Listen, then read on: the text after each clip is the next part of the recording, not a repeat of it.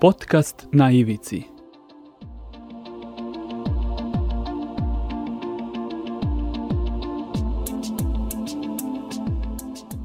Na ivici. Pozdrav ljudi, dobrano smo zakoračili u prvi mjesec nove godine, a praznici ostaju za nama. Pojedina novogodišnja obećanja koja smo dali sami sebi su verovatno već i prekršena, ali što bi se reklo, život uvijek ide dalje. Tako na svojevrsan način otvaramo i novu sezonu podcasta na Ivici koji se realizuje i emituje na portalu storyteller.rs. Nadamo se u prvoj u nizu novih epizoda ćemo se ukratko podsjetiti tema koje su na ivici, da tako kažemo, bile u prethodnoj sezoni. E, najjednostavnije bi vjerovatno bilo poređati ih hronološki, onako kako smo ih obrađivali tokom pojedinih e, mjeseci, mada ćemo se mi njima pozabaviti kao delovima jedne celine koje su opet povezane, ali nezavisno jedna od druge, nadamo se da imaju smisla. E, praktično je u svakoj epizodi napominjano da se bavimo temama na ivici i zato nema potrebe objašnjavati koje su to teme. Pođimo dakle. Možemo shvatiti da je srž praktično svakog društvenog problema zapravo u društvu samom.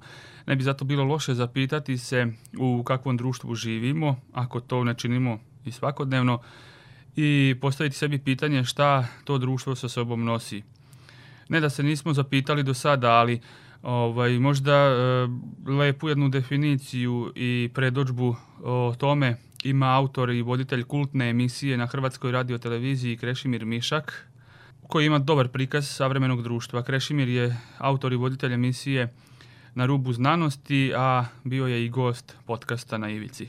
Još od 60. godina u sociologiji postoji izraz umjetno stvorene potrebe. Prema tome, većina naših potreba su umjetno stvorene. Zašto imam potrebu kupovati ploče? Zašto imam potrebu za ovim i onim? Zašto imam potrebu gledati seriju ili ići u kino? To su, ili neke druge. To su umjetno stvorene potrebe i one se tim ciljem stvaraju pa onda postanu potrebe. Trebati pa se standard promijeni i onda su svi na tome. A klinci još ni ne znaju zapravo, oni doživljavaju to kao nekog plišanog medvjedića i ne padaju na pamet da njihov najbolji prijatelj sredstvo za špioniranje, zlonamjerno protiv njih. To je, to je točka jedan. E, drugo, ovo što si rekao e, u vezi društvenih mreža, mi sad možemo pričati sve što su mnogi rekli već. mm Stavljalo se ovo tako dalje. Ali kad bi to sveli na jednu formulu, rekao bih da sustav uvijek teži staviti posrednike između ljudi. Evo daću ti primjer. To nije samo vezano uz društvene mreže. Znači, društvene mreže su posrednik u komunikaciji koji pokušavaju stvoriti sustav na sljedeći način. Imaš atomizirane pojedince, dakle spojene preko zajedničkog centra, preko posrednika, i to ti je pojedinac spram kolektiva pravi čovjek je naravno individua spram zajednice. To je vrlo velika stvar. Da li pojedinac spram zajednice ili atom spram kolektiva. I ta, ti posrednici se uvijek govore, recimo u medicini su oni bili poznati. Ljudi su uvijek imali osjećaj povjerenja prema svom liječniku. I kad bi im liječnik nešto rekao, oni bi to prihvatili jer to je taj osjećaj povjerenja koji čovjek mora imati prema svom liječniku, inače ne bi do njega nišao, ništa ga pita. Što je farmaceutska industrija napravila već zadnjih 30, 40, 70 godina? Ušla je u taj kanal povjerenja. I, dok, I rekla je liječnicima, to je Edward Bernays dobro objasnio, i rekla liječnicima, gledajte, ovo je dobro, ovo su znanstveni časopisi, ovo se pokazuje, još ćete dobiti besplatno ljetovanje, ovo je ovaj lijek, ovo ono. I sad čovjek dolazi svom liječniku i e, misli da je u sustavu povjerenja. A liječnik nije da on želi nešto loše, ali on je ono, apsorbirao isto stvari na način koji su mu prezentirane, to je sve sustav i on sad može recimo predložiti pacijentu neku stvar koja u stvari možda nije dobra za pacijenta, ali zapravo dobro možda za povećanje prodaje lijekova nekih koji možda više štete nego koriste. Znači tu vidimo situaciju gdje je sustav ušao kao posrednik između ljudi na neki način. Isto tako posredništvo su i društvene mreže. Oni su, ja sam za vrijeme svog života vidio kako rastu, nisam se na njih navukao, jer su mi jednostavno, nikako im nisam uspio naći smisao. Nije da sam se inatio, kao neću ja. Nego nisam shvatio šta da radim s tim. Šta, šta da radim sa Facebookom. Ne kužim. A znaš, ono, opet s druge strane, ono, šta ako neko ima, ne znam, um, brata, sestru ili šta ja znam u Americi ili tako, pa komunikacija ta preko Skype. E, da se nešto razumijem, sve to lijepo stoji, ti sad možeš pričati, to je istina, e, transhumanizam ti uvijek nešto i omogućava. I neko, evo, centralno grijanje je transhumanizam, naš središnji sustav. Tako i ovo, ljudi su našli svoje prijatelje, rođake, komuniciraju sa dalekim ljudima e, i slično. To stoji. Ali e, da li je to dominantna količina komunikacije na Facebooku. Ili 95% komunikacije komuniciraju ljudi koji su međusobno udaljeni manje od 10 metara možda. ili 500 metara. Da sad neko rekao, evo vam Facebook da vi udaljeni ljudi komunicirate, ali nitko drugi ne. To je jedna priča, ali mi ne pričamo o tome, nego pričamo o sustavu. I jednostavno, e, kako se zove taj sustav kao prvo, fragmentira komunikaciju, svodi je na zamjenske emotikone, da ne bi ispao krivi tekst, nedostaje cijeli raspon komunikacije za koju su nama rekli da i ne postoji, ali to ti je onaj energetska komunikacija. Evo ja ću ti reći, ja radim s tobom ovaj intervju preko Skype i s drugima sam radio, mene svaki intervju preko Skype-a izuzetno iscrpljivao, makar sam gledao čovjeka pred sobom. A kad mm sjedim s njim za stolom, nekako me ne iscrpljuje, ne znam, nije da ga ne doživim ja i prek Facebooka, evo, prek Skype-a i tako. Tako da mislim da je stvari društvena mreža jedan aktivni alat građanja transhumanističkog ideala, koji je mi čio kako sažeo, možda si ga uočio, možda ne, puno je podataka u ovoj knjizi, ali u prvom poglavlju je on jednom rekao, nas ne zanima internet, nego brainet. Puno mozgova spojenih na mrežu, to će biti jedna nova kolektivna neuronska mreža i onda će u njoj bljesnuti svijest kao što ona bljesne u našoj složenoj neuronskoj mreži kad postanemo embri. To je za mene potpuno pogrešna pretpostavka jer pokazano je da naše razmišljanje stvara naboranost mozga. A ne da je mozak prvo naboran pa da onda bljesne svijest, nije važno. To je staro pitanje da li je svijest u tijelu ili je tijelo u svijesti. Ali društvena mreža i Facebook ti u stvari i internet stvari posljedično su ti u stvari prvi kolektivni mozak, prva vrata u svijet stvaranja jednog kolektivnog superorganizma koji se fura na održivost, sustainable, to u prevodu mhm. znači smatram da nema ničeg više i moram samo reciklirati do besmisli. Što je još jedna besmislica jer svijet je očigledno, svemir očigledno ne, ne, neiscrpan. Baciš jednu sjemenku, nakon tri tjedna te jedne sjemenke ili nakon tri godine imaš cijelo polje. Sunce, evo, to je no, sunce stalno obasipa zemlju elementima. I tako se u gornjim slovima atmosfere stvaraju kisik, stvara se voda. Znači sve se stalno stvara. Samo nama prodaju priču nema se. Održivo. To nam puno više govori o autoru tih koncepata. Ja mislim da su društvene mreže internet stvari, znači internet ljudi, internet stvari, dva načina, u konačnici će se ljudi povezati, ali ne više s internetom ljudi, nego sa internetom stvari. Biće još jedna stvar u tome. I to tome služi, ničem drugom.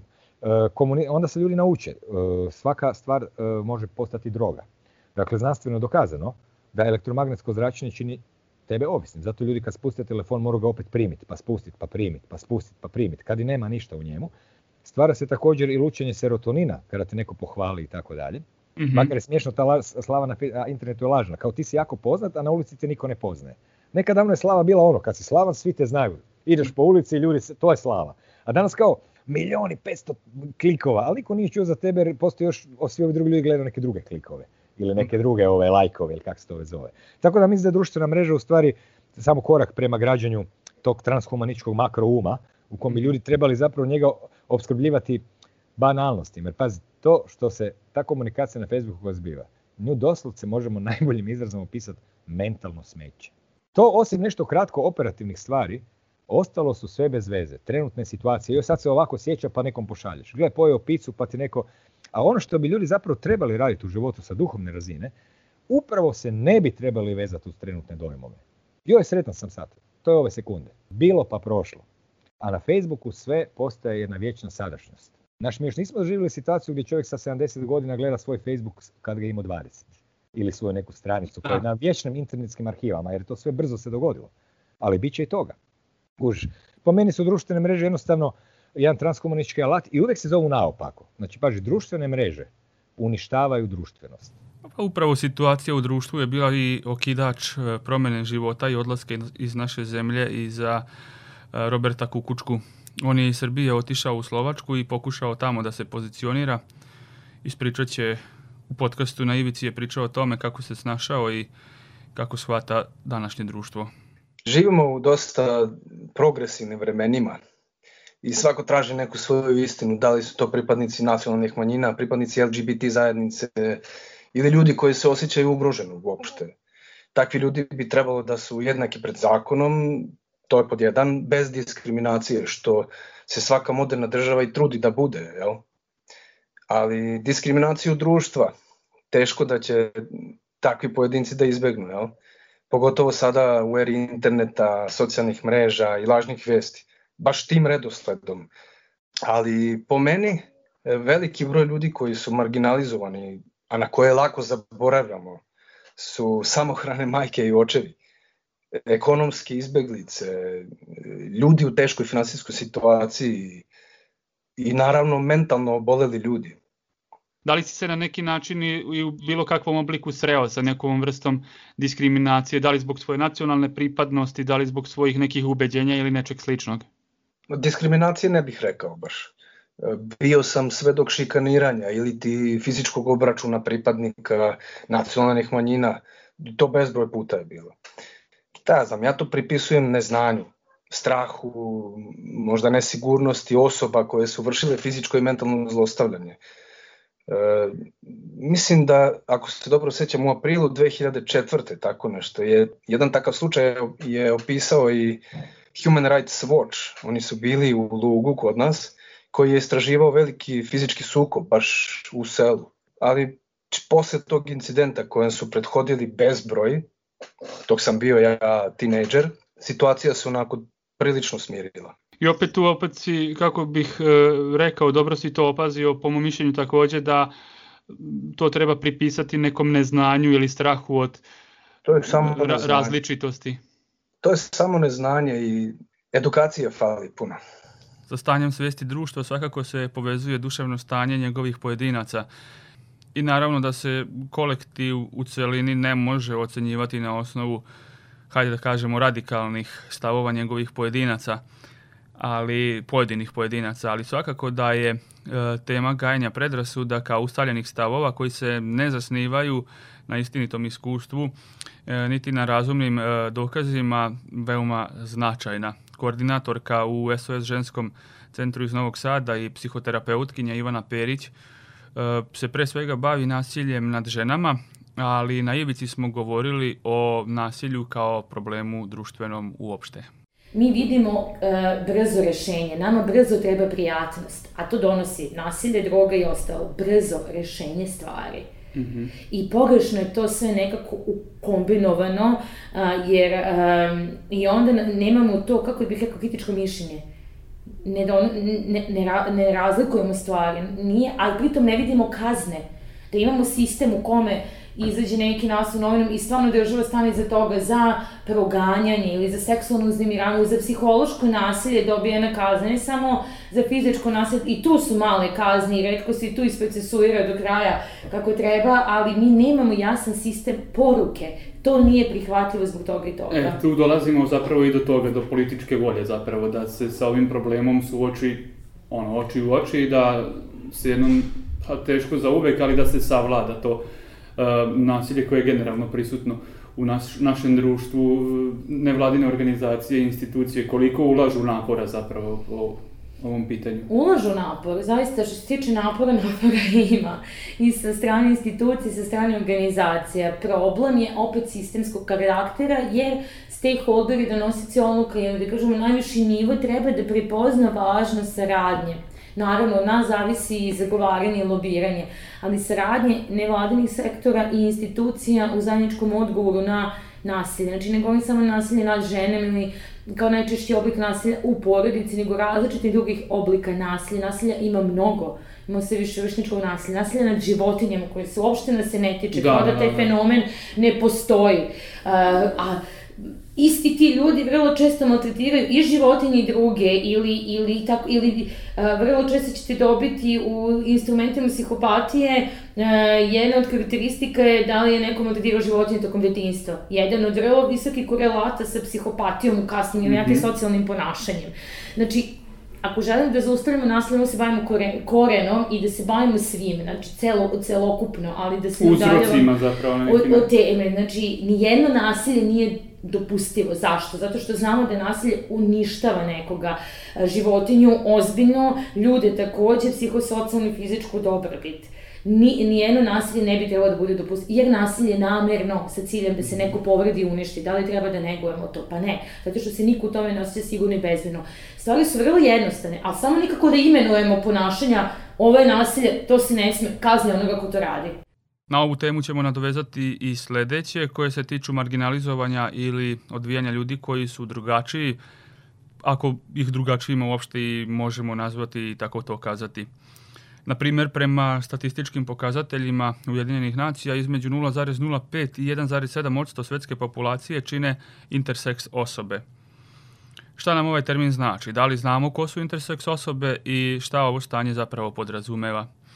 Na ova pitanja je između ostalih u podcastu na Ivici odgovarao izvršni direktor organizacije XY Spektrum, Kristijan Anđelović.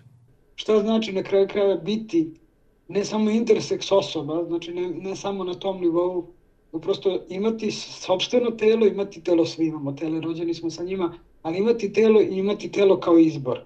Šta znači birati sobstveno telo i koji su koraci da bi sve što je došlo do, do tako nečega i da li smo, još jednom se vraćam, ne samo interseks osobe, to su osobe koje su rođene sa nekim vidljivim hendikepom ili osobe koje imaju, ne volim reč hendikep, ali prosto se koristi, e, sa nekom vidljivom različitošću ili eventualno osobe čija te različitost manifestuje iz mentalne sfere gde se možda to ne može odmah prepoznati. Znači svako od nas ima pravo da sobstveno telo, telo podrazumeva ne samo telesni deo, nego i glavu kao celinu, da bira svoju telesnu autonomiju i integritet zajedno sa tim. I jeste problem ne samo kažem intersek zajednice ili međupolne zajednice kao takve, jeste upravo to da se da je dobar deo odluka na roditeljima, to jest na lekaru koji ima ideju kako da pomogne, i to je vrlo diskutabilno da li je to baš tolika pomoć, možemo da pojasnimo zašto to nije uvek pomoć i zašto to nije uvek dobro za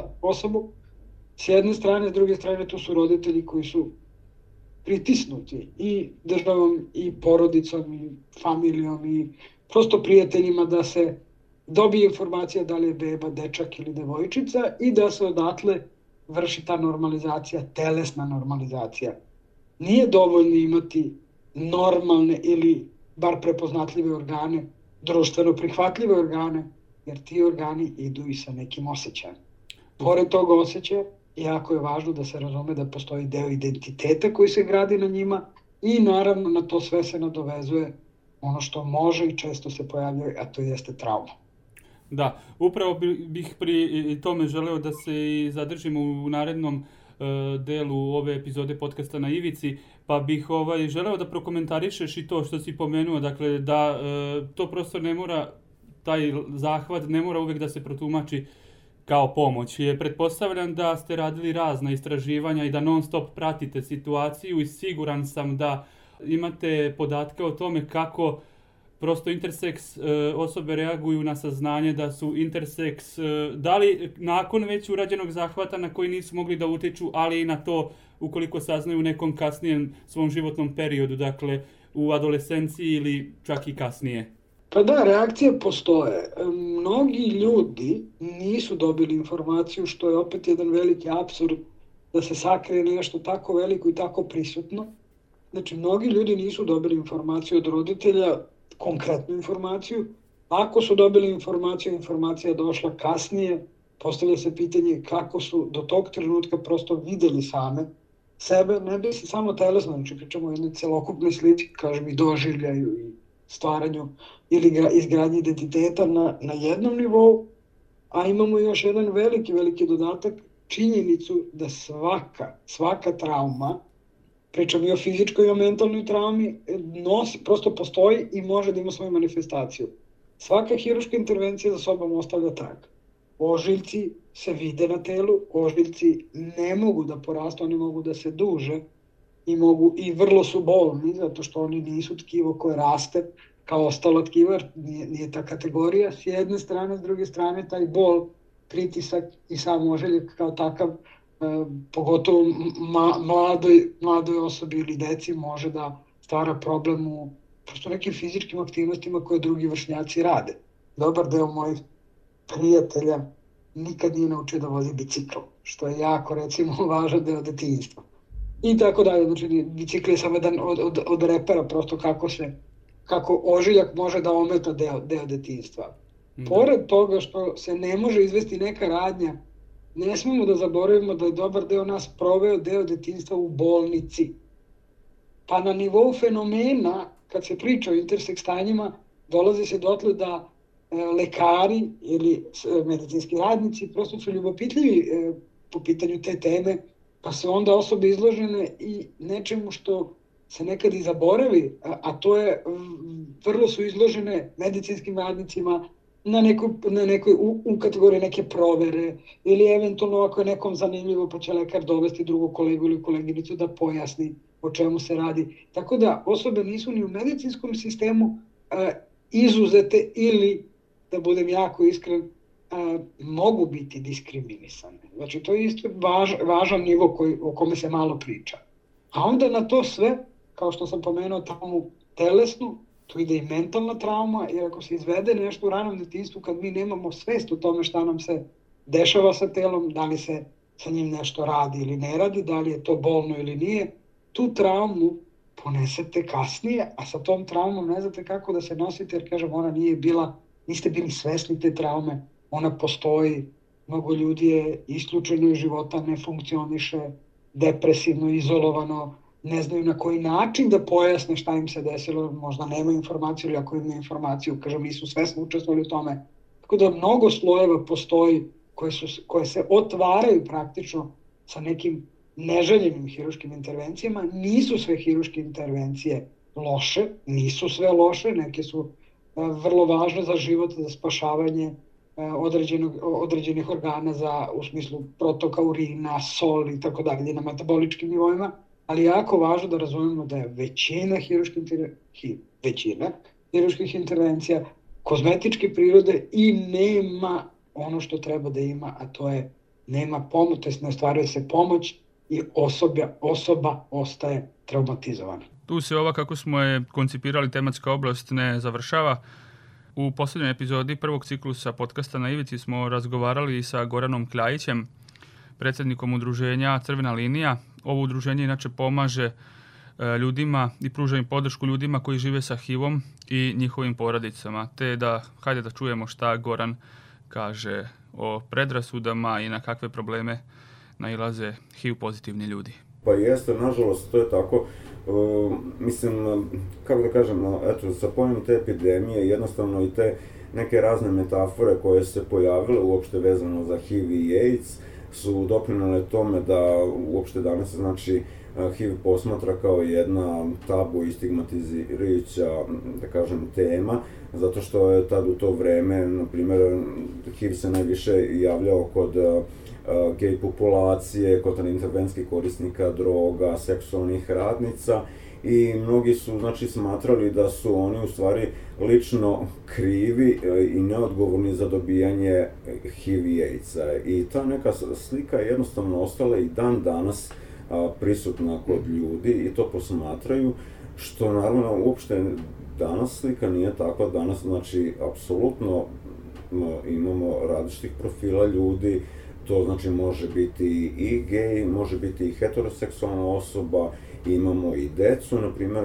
koje su HIV pozitivna, na primjer, to je čak pre nekih 15 godina i 20, na primjer, bila situacija u Rumuniji, na primjer, gde se jako veliki broj dece zarazio, na primjer, HIV-om putem transfuzije, što, eto, i na taj način isto su neki mogli Tako da, mislim, kažem, danas imamo različitih profila i to mi je, ovaj, jednostavno, i to je na neki način naša ipak i zadatak i misija da pokušamo da, znači, razbijemo tu stigmu uopšte i te predrasude koje vladaju prema ljudima koji žive sa HIV-om, a i uopšte prema samom HIV-u, da bi jednostavno svi bili upoznati sa tim, znači da je ta infekcija, to jest virus je prisutan i da može kod svakog da se javi, nebitno sad na nečiju seksualnu orijentaciju ili... Mm -hmm.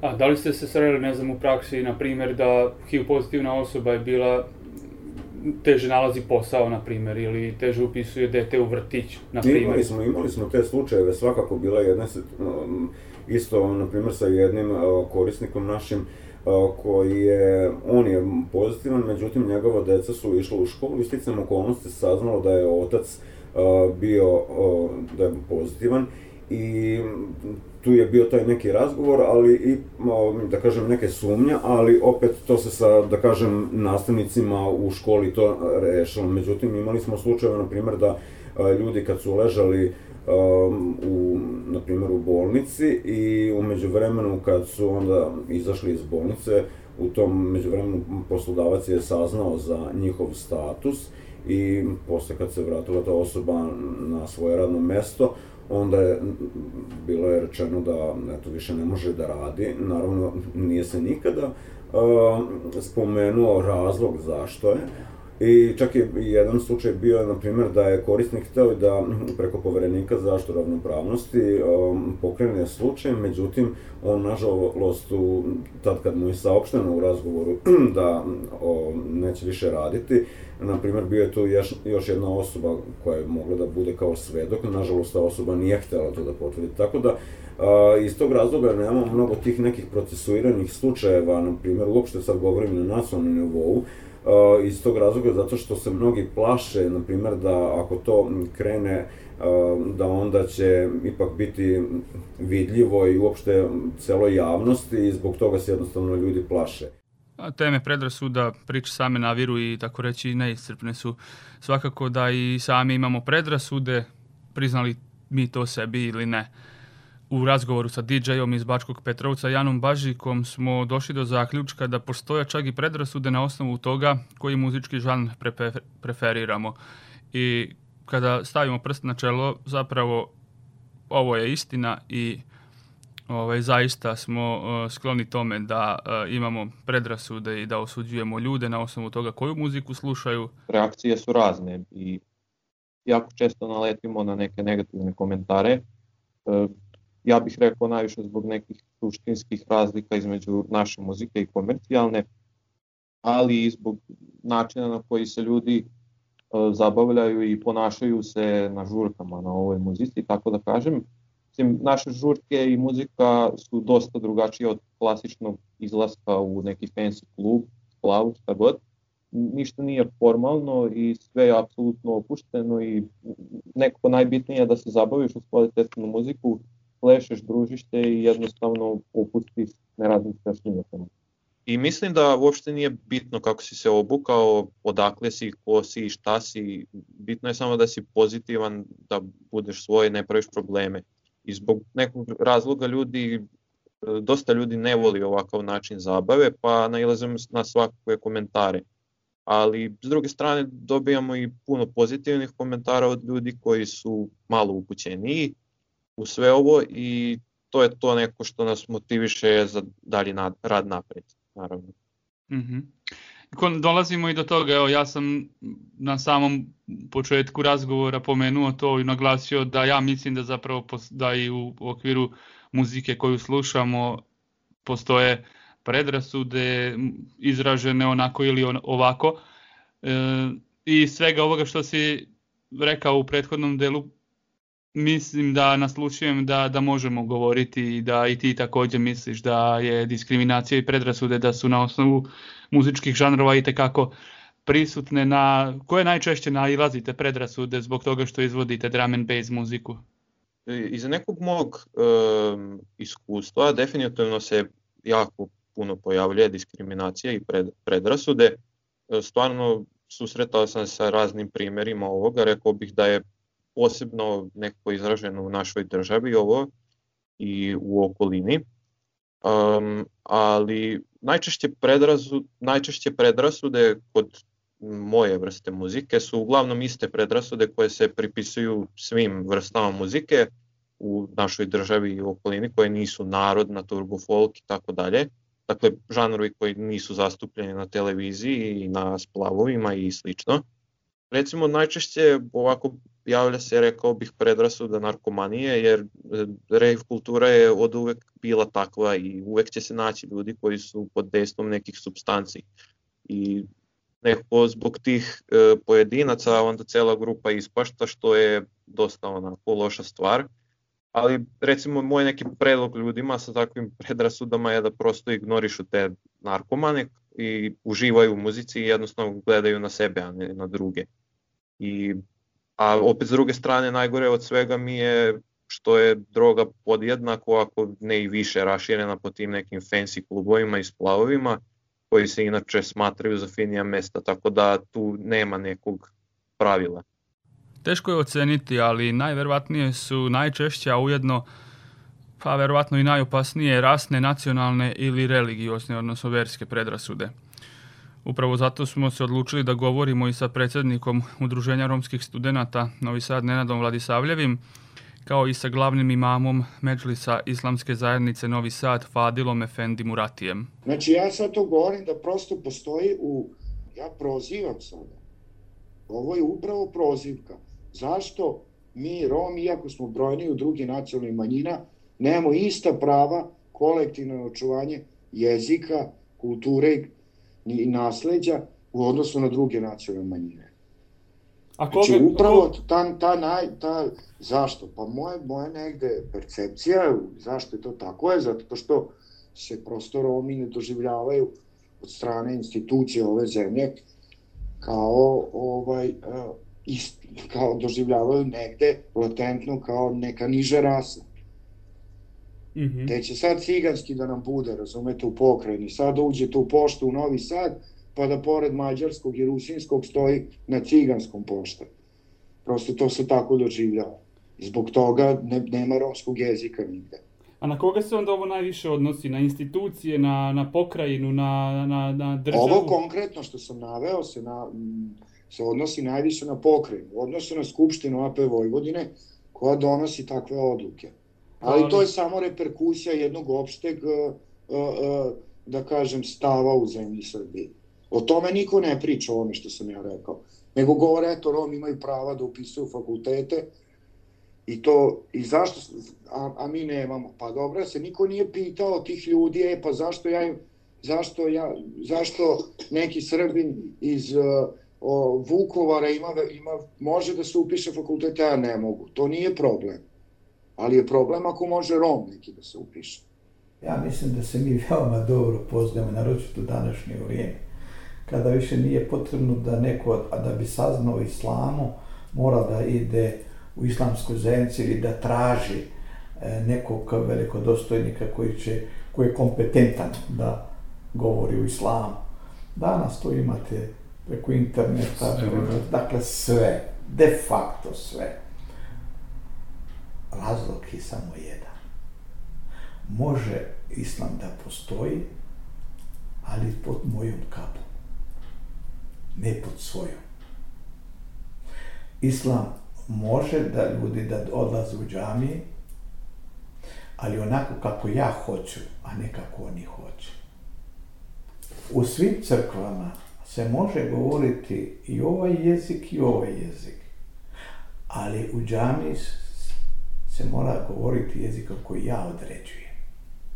Inače ću te predstaviti kao džamije gdje se skupljaju anti evropski, anticivilizacijski i tako dalje i mhm. tako dalje.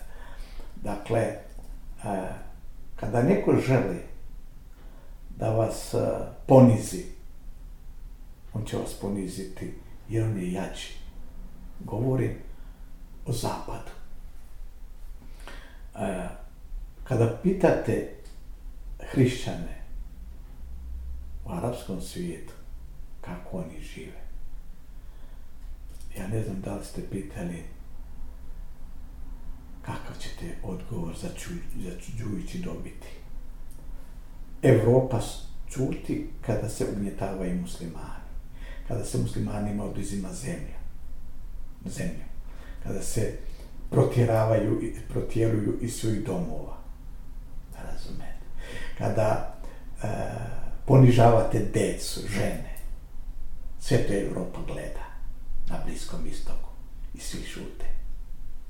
Prave se naivni, odnosno slepi. Ne naivni, nego slepi. Kada pogine jedan hrišćanin od muslimanske ruke, cijelo se islam osuđuje. Teroristička vera. Ovakva kada pogine musliman od hrišćanina, to je samo odbrana. Ne umanjujem život je jedan. Jedan ga daje. To je gospodar svjetova. I nema pravo niko da ga oduzme. Što ne znači da i među pripadnicima islama, odnosno i muslimani, nemaju radikal ljude koji sprovode vjeru ludačku koji ne postoji u islamu, zakon u islamu ne postoji takav. Oni ga izmisle u ime Boga mi ginemo. Nemaš pravo nikoga ubiti, jer je to koranski ajet ima. Onaj ko ubije jednog čovjeka, kao da je ubio cijelo svijet. A onaj ko spasi jednog čovjeka, kao da je spasio cijelo svijet. Onaj koji ide ludački da ubije, da ubije nevinih ljudi, da bi on, po navodnici, bio šehid, borac na lavom putu, pogrešio je i vjeru, i vrijeme, i prostor u kojem je živio. Kao društvo svakako da nismo tolerantni niti prema zavisnicima, da li od alkohola, psihoaktivnih substanci ili nečeg drugog. U podcastu na Ivici smo zato ugostili aktivistu organizacije Marita Zapadni Balkan Jovicu Oluškog, kao i načelnicu Odeljenja za bolesti zavisnosti klinike za psihijatriju Kliničkog centra Vojvodine, a ujedno i šeficu katedre za psihijatriju Medicinskog fakulteta u Novom Sadu, Aleksandru Dickovu. Normalno je, pazi, normalno da je teško, kako kažem, i treba da bude teško, ne treba da bude nepotrebno teško, jer ti kad recimo sad ti ja imam odnos prijatelja i ja te iznevim, jel tako, mm -hmm. uh, ukradem nešto od tebe, prevarim te na neki način, ti nećeš doći odmah da mi veruješ. Moraju da postoje posledice, moraš, kako kažem, na neki način da se potvrdiš. Ne treba, naglašavam, da bude nepotrebno teško, uh, da, da ovaj, dodatno neko, kao, ah, on je narkomančin, on je, mislim, to je onako najniži oblik u smislu koji mene nikad nije pogađao, jer na kraju krajeva ja znam šta sam, šta sam prošao. Ja jesam ovaj kako se kao uspeo. Mnogi ne uspu ne uspeju u tome uh, mnogi se nikad ne skinu niti misle da mogu. Uh, međutim ja mislim da je pravi uspeh ni ne, ni ne navući se ni ne probati.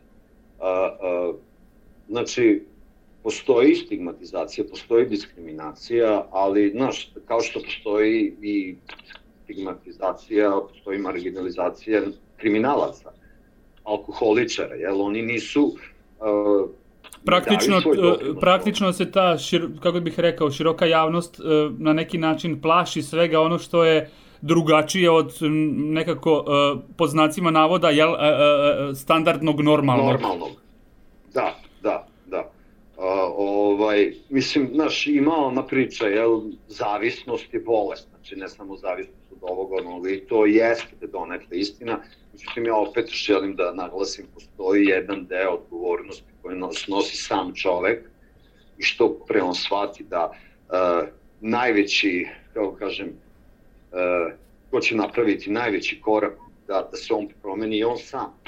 Mene niko nije mogao da promeni dok ja nisam shvatio da meni treba promen. Govorimo o tim nekim rizičnim populacijama, to su upravo mladi. Oni su nam najbitniji. I tu negde i počinje zloupotreba alkohola. Zna se da se sa alkoholom, evo što pokazuje ovo veliko istraživanje, počinje pre 15. godine. E sada, ako pogledamo šta su ti faktori koji uslovljavaju praktično zloupotrebu alkohola u početku, znači tu negde e, sa 14, 15, 16, 17 godina, to je svakako pripadnost grupi. Taj period, e, to je period adolescencije. I ako se setimo, e, tog perioda, to je period kada nam je najbitnije šta društvo misli o nama.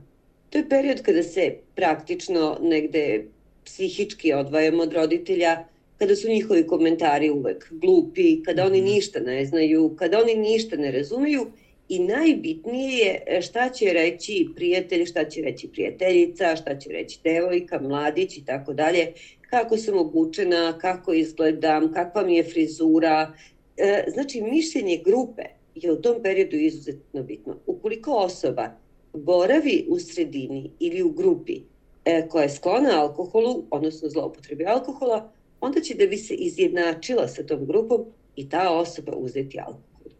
Onda ide sledeći nivo, e, to je nivo neke kasne adolescencije, tu negde već od 18. 19. do 22. 3 a to je e, kada se formira već neka individualnost i kada se javlja radoznalost. Znači, osobe čuju da je neko uzeo alkohol, da se napio u određenim situacijama, da bi proverili, oni to koriste. Isprobavaju. To opet isprobavaju. I sada to isprobavanje, nažalost, mnogima se dopadne. Za sam kraj ne zaboravimo niti na druge teme koje nisu manje značajne, a kojima smo se također posvetili u podcastu na Ivici. Na primjer, ne, ne primećujemo ili se trudimo da ne vidimo i probleme u ishrani, kao što su pre svega anoreksija i bulimija. Naravno, problemi sa ishranom se sa ova dva pojma svakako ne završavaju. Njih karakterišu teške psihičke i fizičke smetnje koje mogu ugroziti zdravlje i život obolelog, a zajedničko im je to da ljudi koji imaju poremećaj ishrane imaju patološki strah od debljine i poremećena im je telesna schema. I na ovu temu smo razgovarali u podcastu na Ivici, a gošća nam je bila psihološkinja Jelena Stojanović, koja, koja se i sama borila sa poremećajem u ishrani. Mi imamo potrebu da sve uh, razgraničimo i da negde napravimo neku definiciju i uh, da dođemo do neke strukture i pravila. Tako da možemo pričati o tome da postoje neke određene karakteristike koje se javljaju kod određenih tipova poremećaja, ali naravno svaka osoba individua za sebe i u zavisnosti od ličnog iskustva svojih karakteristika će razviti određeni poremećaj poremećaj uopšte e, psihološki, a onda pogotovo kada pričamo o poremećaju i ishrani, ovaj, dolazimo do tog nekog dela iskustva e, sredine u kojoj se e, osoba razvija, e, porodica u kojoj se razvija, a onda tu i biologija igra veliku ulogu, tako da možemo pričati da postoje neka pravila, ali da je svaka osoba individua za sebe. E, koliko je široka javnost zapravo upoznata, šta, šta sve svaki od ovih problema podrazumeva, koliko je zapravo kompleksan. Smatram da e, široka javnost otprilike zna, aha, anoreksija, javnosti je manje više poznata i rekao bih da se tu zapravo i završava. Pa, iskreno ovaj, negde kako sam ja u ovom svemu od 17. godine, ovaj, ja sam mislila da su ljudi više upoznati, ali kad sam počela da pričam o tome svemu, sam se iznenadila, jer e, mislim da, da anoreksija, kad kažem poremeću ishrani, najčešće dođemo označi anoreksija. Ovaj, tako da bi rekla da se poisto veće mm, termin poremeću ishrani sa anoreksijom. E, čuli su i za bulimiju, ali, na primer, kad idemo dalje u e, pravcu, ne znam, e, kompulzivnog prijedanja i e, ortoreksije, kompulzivnog vežbanja, e, tu negde se gubi fokus. Ovaj. Tu mislim da za to, taj deo nisu čuli. Tako da možemo reći da eto, anoreksija i bulimija su onako najprepoznatljivije u društvu. E, još jedna tema, veganstvo. Daleko je od toga da se svodi samo na način ishrane i na borbu za prava životinja. Hajde da se zapitamo zapravo šta je veganstvo i zapravo smo se e, ovom temom opširno bavili u jednoj od epizoda iz prvog ciklusa podcasta na Ivici kada smo razgovarali sa Borislavom Prodanovićem. Njemu je veganstvo životna filozofija već duži niz godina, te ga ovako objašnjava. Ukratko. da ono koje smo pomenuli da se to svodi na, na izbor ishrane, na program ishrane ili o, program garderobe, ono što nosim. A, druga predrasuda je da je to u pitanju jedan lični a, izbor i da se tu završava.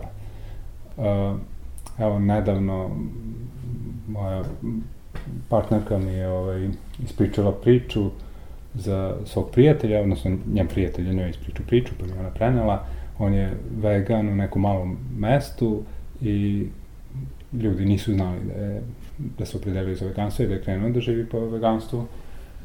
A, međutim, na jednom, ono, kao pikniku ili šta je to već, koji podrazumeva meso, roštilj, kako to već biva, On je rekao da neće da jede, kada su oni insistirali, on je rekao da, da je vegan. A, reakcija je bila ismevanje a, to, te osobe, a, a ismevanje a, se pretvorilo u to da su, da su ga prijatelji, njegovi prijatelji, uhvatili, a, fizički ga, da kažem, savladali, a dok su mu drugi stavljali a, meso u usta, kao da se zazaju, zavitlavaju. A, meni je to stvarno bila onako snažna a, slika i, i dramatična. Da. A, on je, kako je rekao, nije se, nije se opirao, što je zapravo postidelo njegove prijatelje i oni su, kako da kažem, njihov vic je, mm -hmm. je mhm. propao, jer se on nije opirao. Ali zašto sve ovo govorim? Pa zato što uh, pokazuje uh, i, i mislim da možemo tu scenu i, i njihov postupak, nije da osuđujem, nego ga posmatram kao, kao, kako se to kaže, kao nešto što pokazuje o čemu se zapravo radi. Uh, nemoguće, radi se o programu koji vlada njima, kao što vlada, vladao sa, sa mnom, ja ne znam da li si ti vegan ili ne, mm. ali program je uh, ideološki, odnosno kulturni i nje, njemu teško mu je, teško je odupreti mu se. I, i oni su pre se opredelili da u vidu zavitlavanja silom uh, natraju čoveka da jede meso, nego što će ozbiljno shvatiti njegovo opredeljenje, koje zapravo dovodi u pitanje njihovu i sam taj događaj na kom se nalaze da. i njihov program po kom žive. I eto, protrča smo kroz teme i razgovore kojima smo se bavili u prethodnom ciklusu podcasta na Ivici koji se emituje na portalu storyteller.rs. Umesto zaključka možemo reći da se radujemo novom serijalu u kojem ćemo se posvetiti novim, malim, a velikim, zapravo velikim temama i značajnim. Mi se čujemo krajem meseca, a do tada srdačan pozdrav.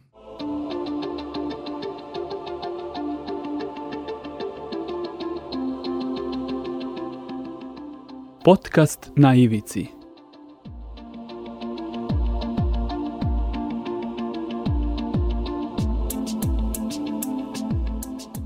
Na ivici.